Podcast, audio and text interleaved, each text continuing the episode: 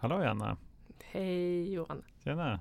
Va, nu är vi här igen. Ja, det var lite lång tid. Ja, det var det. Det var lite lång tid. Men ibland behövs det ju. Det är sant. En liten sån, eh, ja, omgruppera lite grann, samla lite kraft, Mm. få lite fokus kanske. Mm.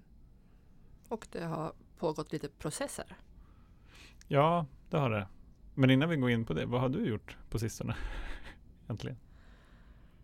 Ja, jag skulle säga att det kanske inte bara är process utan jag håller på att genomgå någon form av transformation. Oj, ja. Vad, in, vad innebär det då? Jag Blir jättenyfiken. Ja, men det innebär att jag är inne på mitt fjärde år, eller jag har haft fyra år som nykter. Mm. Och så fint som det verkar och som man fick höra i början att man får så mycket som man kan hantera. Man får liksom bitar av vad sjukdomen innebär eller bitar av hur Ja, man ska hantera livet som nykter. Mm. Och nu har det kommit några till bitar som har blivit tydliga. Att här är det någonting som behöver tittas på. Mm. Och eh, jag försökte väl ignorera det ett tag. Mm. Gick det bra eller? Nej. Tills det dundrade på ordentligt. Ja. Hur tydligt ska universum eller Gud eller högre kraft eller vad vi vill kalla det, livet, Mm. hur tydligt ska det behöva göras för att du förstår att du behöver göra en förändringarna? Hallå, hallå, hallå. Vad var det då? Eh, gränsdragning. Ja, okej. Det började dyka upp i somras nå- som någon form av du behöver ta mer ansvar. Jag blev så jävla förbannad. Jag tar ju så fruktansvärt mycket ansvar. Vem blev du förbannad på? Ja, det är frågan. Ja. Eh, jag behövde ta ansvar, dra gränser på alla möjliga sätt Mm. och förändra vissa saker som inte längre funkar. Mm. Mm. Och det kommer vi säkert att prata eh, mycket mer om framöver här. Jag tror att det kan vara lite saker som... Eh, ja, allting har ju med vart jag befinner mig i, i mitt tillfrisknande att göra. Mm. Men vad... Jag kan inte riktigt släppa det här. Vi måste eh, löpa linan ut här nu. vad var det du märkte då? Jag märkte att jag var konstant triggad. Vilket visade sig på att jag agerade ut på massa olika sätt. Som inte var att jag ville dricka alkohol. Mm. Men jag gick till alla andra utagerande beteenden som jag har. Kanske att göra av med pengar oansvarigt eller skippat träna. Jag vet att det är bra för mig. Mm. Började äta onyttigt eller äta på ett sätt som jag vet inte får mig att må bra. Drog till lite isolering på det. Mm. Och så kom eh, jobbet också. Jag visste att september skulle bli en jättetuff månad. Och gick omkring och tänkte på att september kommer att bli en jättetuff månad. Mm. Men gjorde inte som någon, någon helst planering eller plan, upplägg för hur jag skulle hur det skulle hanteras. Mm. Så jag bara kastade mig huvudstupa in i september. Och det blev ju att det fick gå så långt att jag fick så ont i kroppen så jag knappt har kunnat gått ens. Mm. Tills jag förra veckan drog i handbromsen. Och bara Ja, så det är här, kan du inte fortsätta. Vad häftigt. Mm. Tänker jag då utifrån ett eh, så här, eh, socialpsykologiskt perspektiv här. Mm. Och, vad, och vad innebär det? Och vad innebar det att dra i handbromsen? Det innebär att om man säger vad stora katastroftanken Mm. blir.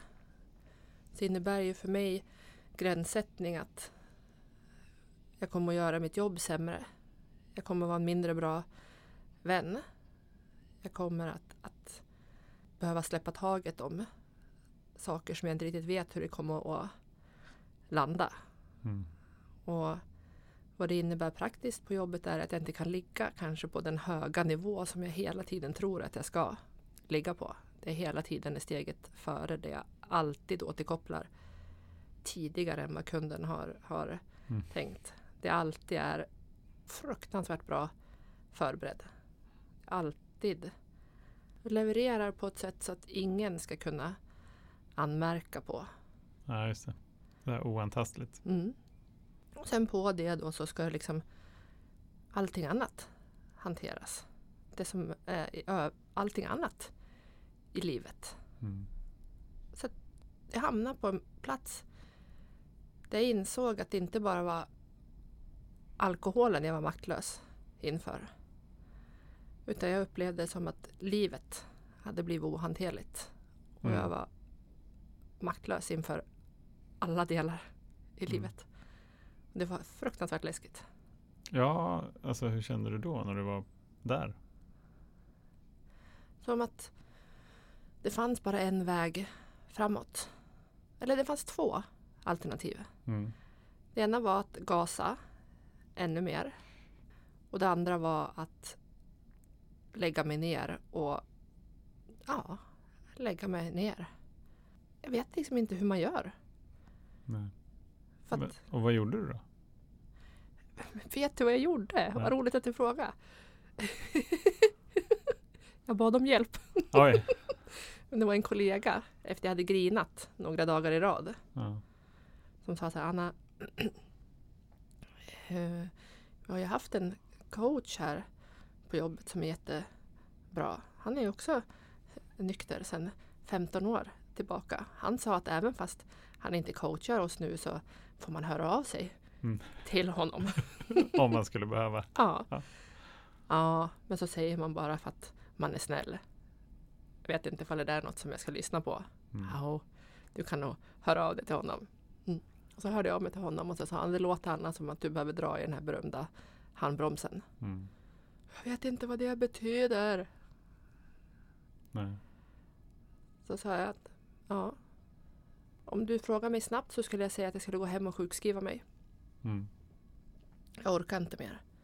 Och jag ser ingen väg ut. Jag förstår inte vad det är jag ska prioritera bort eller jag ska göra någonting enklare eller jag ska bli effektivare eller jag, jag förstår inte vad det är folk säger. Mm. Och sen så kom det rätt fort en tanke så här, nej men det vill jag inte. Jag vill inte sjukskriva mig. För det är inte lösningen i det här fallet. Jag vill lära mig hur jag kan göra saker annorlunda. Mm. Och nu reflekterar jag ju högt tillsammans med er eftersom det här är alldeles nytt och jag vet inte riktigt. Men på något sätt var väl det det berömda fönstret kanske som jag kände på samma sätt som med alkoholen. Att jag fick erkänna att jag kan inte hantera det här själv. Jag vet Mm. inte hur man gör. Jag ser ingen annan utväg än att släppa taget. Så jag fick så lov att plocka bort allting ur kalendern som påverkade mitt välmående. Och så blev jag tvingad att sätta mitt välmående först. Mm. Inte kunden, inte företaget, min arbetsgivare, mina vänner. Hur gick det då? Ja, men det låter märkligt och det är märkligt för mig men redan dagen efter så hände någonting. Bara att jag hade tagit det beslutet, jag hade bett om hjälp.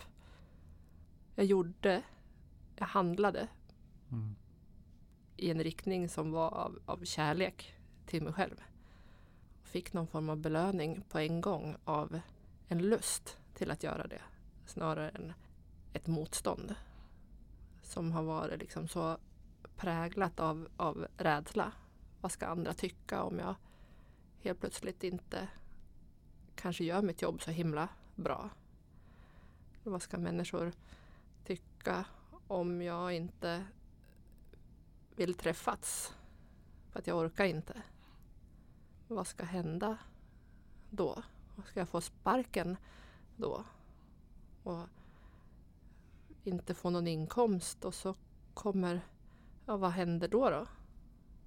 Men det blev inte så heller.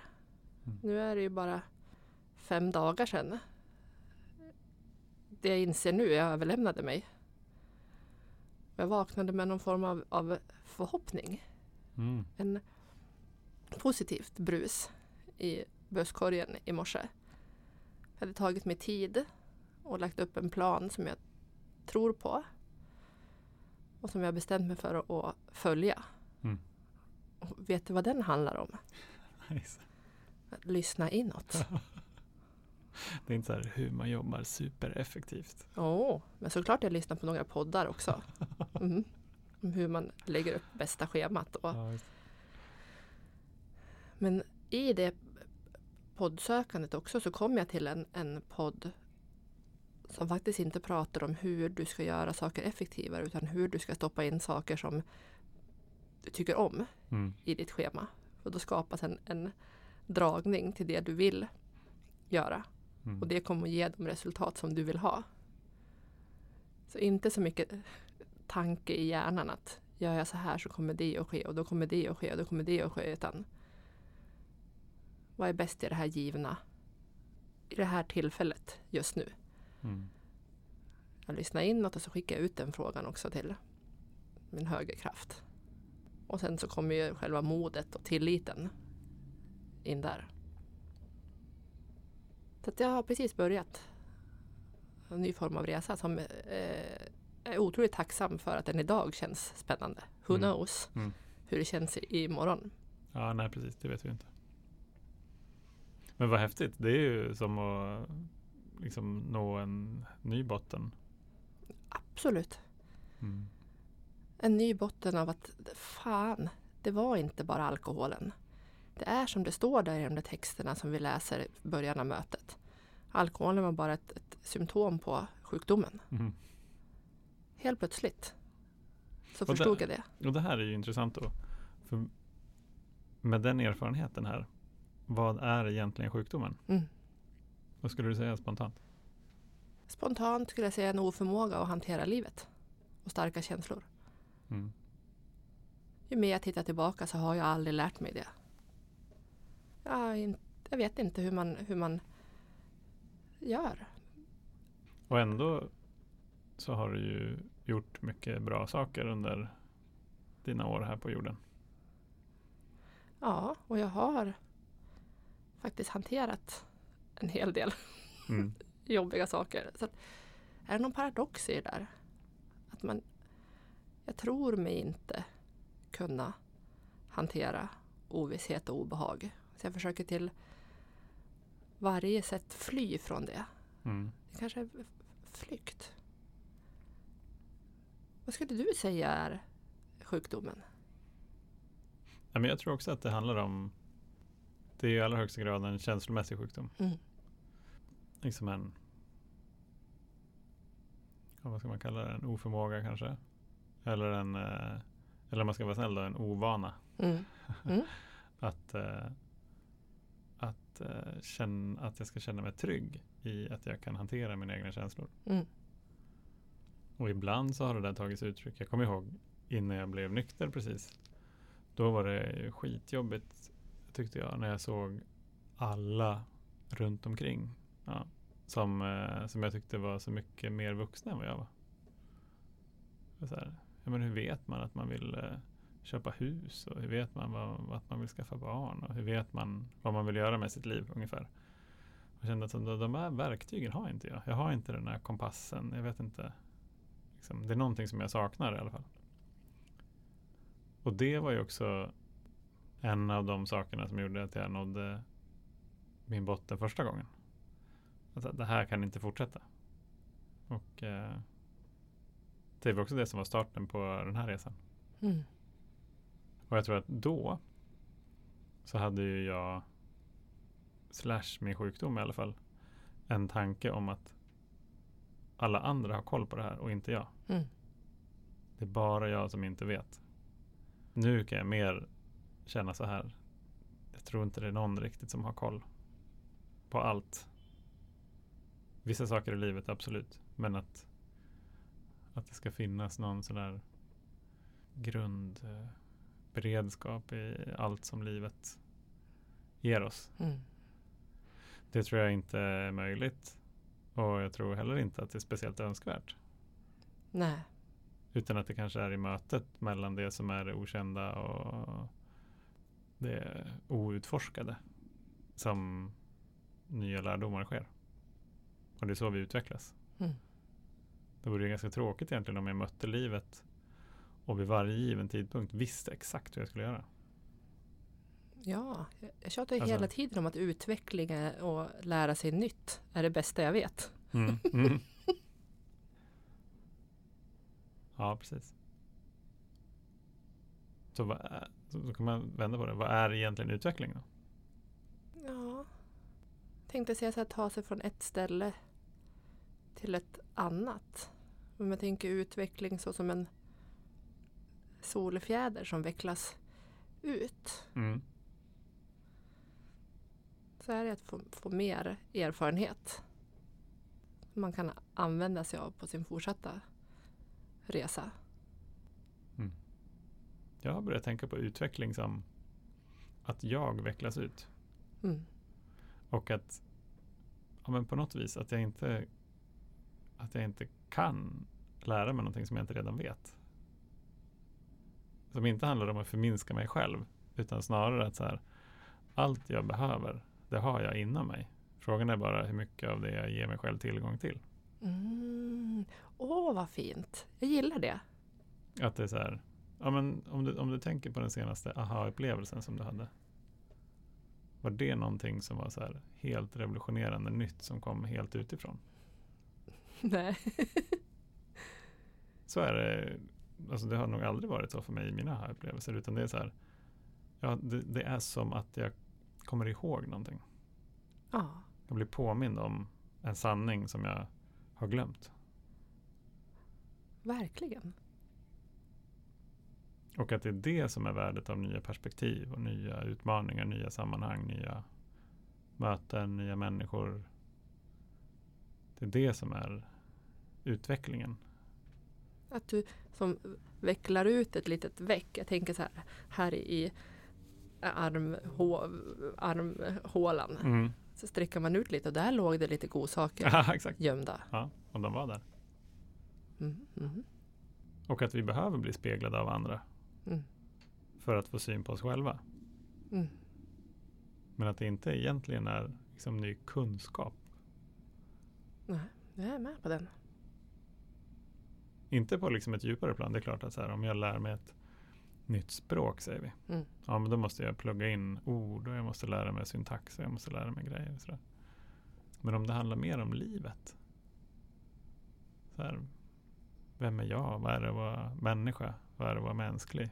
Vad, vad behöver jag egentligen? Hur mår jag bäst? Mm. Vad är det att vara kärleksfull? Alltså den typen av kanske mer då liksom åt, ja man kallar det andligt utforskande då. Mm. Men som egentligen handlar om att utforska livet tycker jag. Som är samma sak. Mm. Så, är det, så är det så att jag får liksom syn på mig själv ur olika vinklar och då är så här, ja just det, ja, så här tycker jag. Och saker som jag inte visste kanske. Så vad är då, om, om vi säger liksom så här att vi alla, alla går på den eh, utforskande vägen under, Mm. under livet.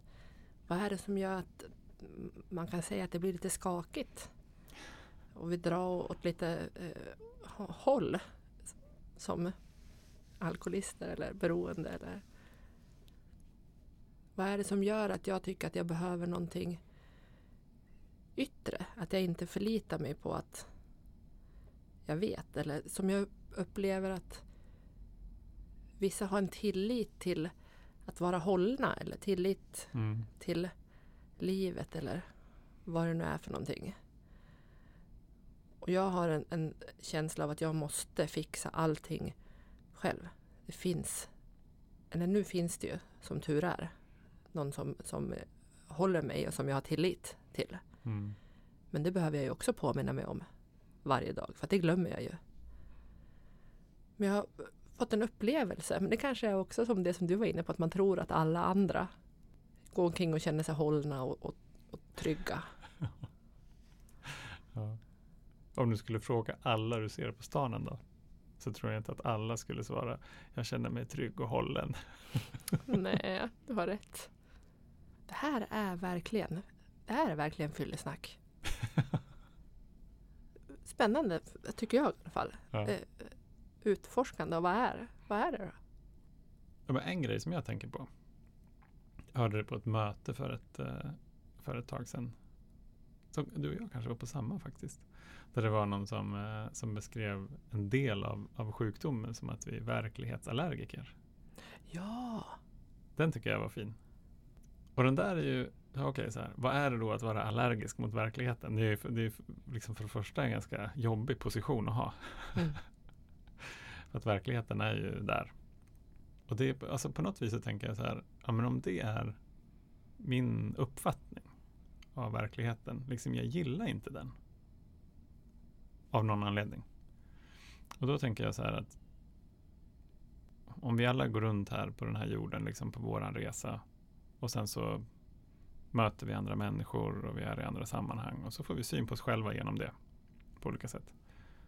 Och så gillar vi inte det vi ser då.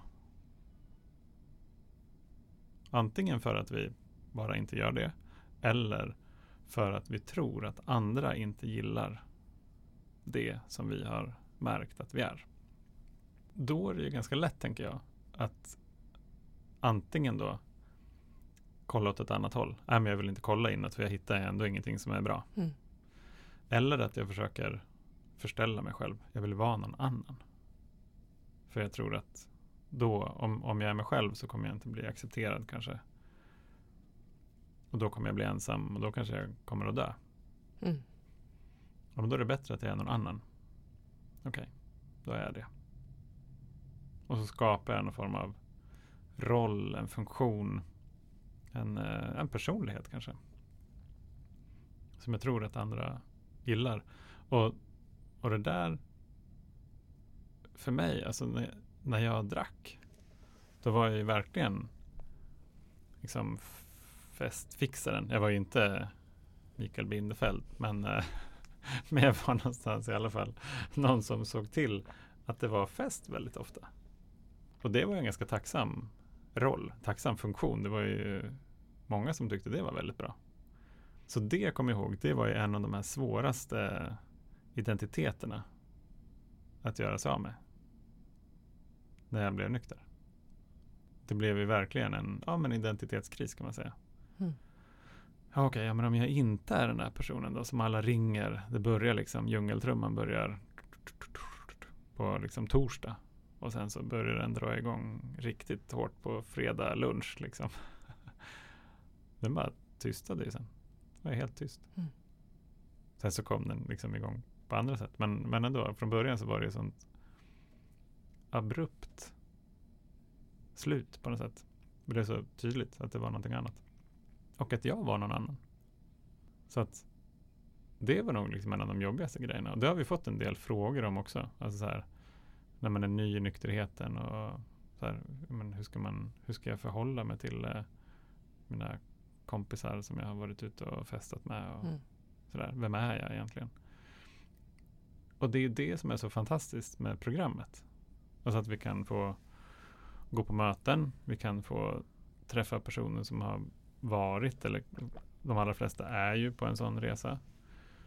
Eh, det är ingen resa som man blir klar med egentligen. Vi får höra andras erfarenheter av att jobba med stegen. Att använda det som ett verktyg för det det är, de allra första sju då, handlar ju om att jag lär känna mig själv. Och sen när jag lärt känna mig själv och ja, men ser mer av mig och så här, wow, okej, det så, så här är jag. Okej, vad av det här behöver jag förhålla mig till? Vad av det här är liksom saker som jag faktiskt kan ändra på och vill ändra på? Och hur gör jag det? Och sen därefter så kan jag ut och möta andra. Då kan jag liksom vända ut den här andliga processen för att börja mina gottgörelser. Mm. Och vart, vart, vill jag komma med det där då? Ja, jag tror, liksom om man kopplar tillbaka det till sjukdomen så är det då så här, vilka ögon ser jag på mig själv? Mm. Det resonerar jätteväl. För att precis som du sa så har jag svårt att se på mig själv. Så jag behöver. Jag Mm. behöver alla i, i programmet. Jag behöver mötena. Jag behöver precis det här som vi pratar om nu. För att jag ska få insikter för att kunna veckla ut mig. Mm.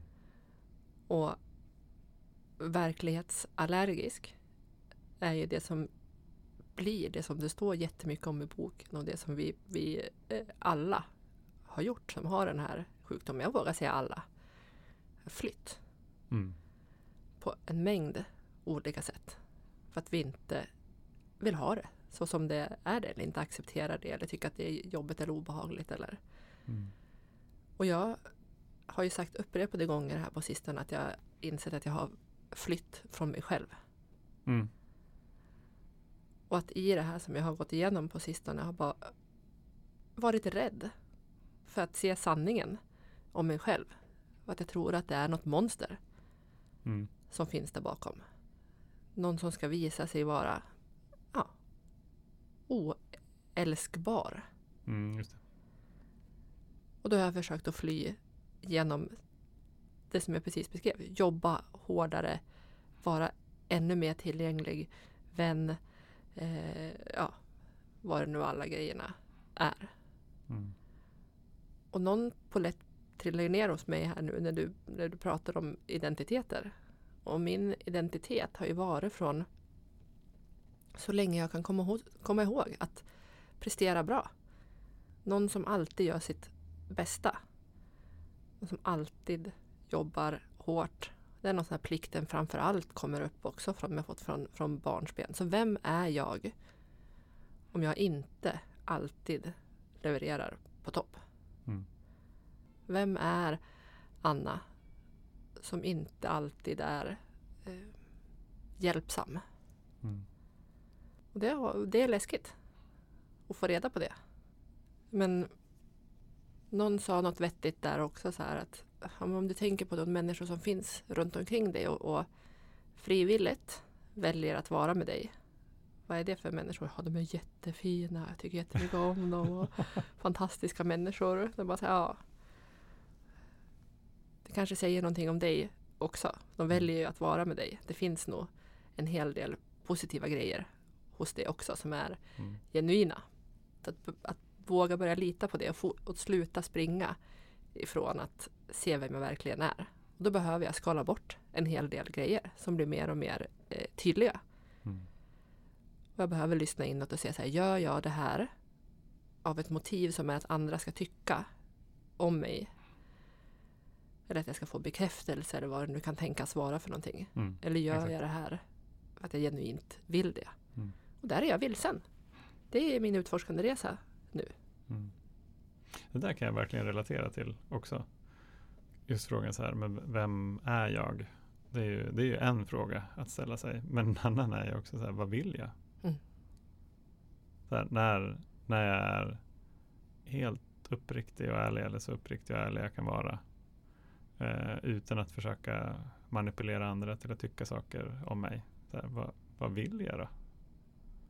Och där kan jag känna själv att så här, jag har kommit lite för långt ifrån det. Mm. Jag vet inte riktigt. Så det är också ett utforskande faktiskt. Mm. Hitta tillbaka till det där barnet liksom. Mm. Får ju väldigt syn på det och kanske avsaknaden av det i relation till en treåring. Hemma. Det är så här, jag menar jag har också varit tre år. Jag har bara liksom bubblat av idéer och kreativitet och liksom lekar och wow, okej. Mm. Massa viljor. Och sen så glömde jag bort det.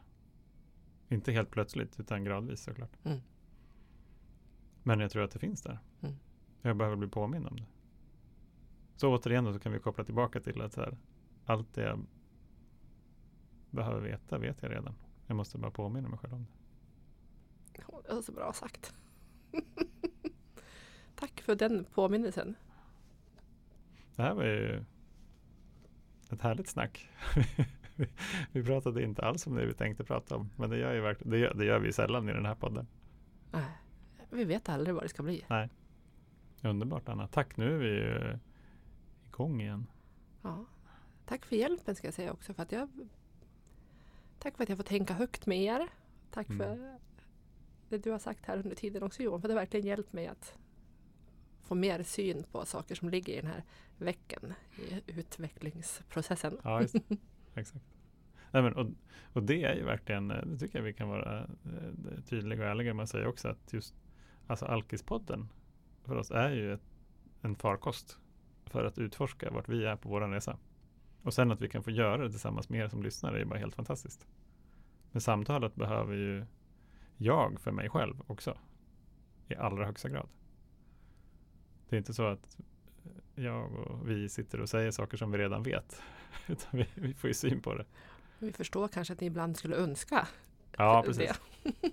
vi vet Ja. inte. Ja, exakt. Ja, men vi är superglada att vara igång igen. Och vi finns, eh, vi finns på alkispodden.gmail.com för er som vill eh, höra av er. Och eh, även på Alkispoddens eh, Instagram och Messenger kan Mm. man höra av sig om man vill. Och vi, eh, vi svarar ibland fort, ibland långsamt. Och eh, så hörs vi snart igen. Ha en fin helg. Kram!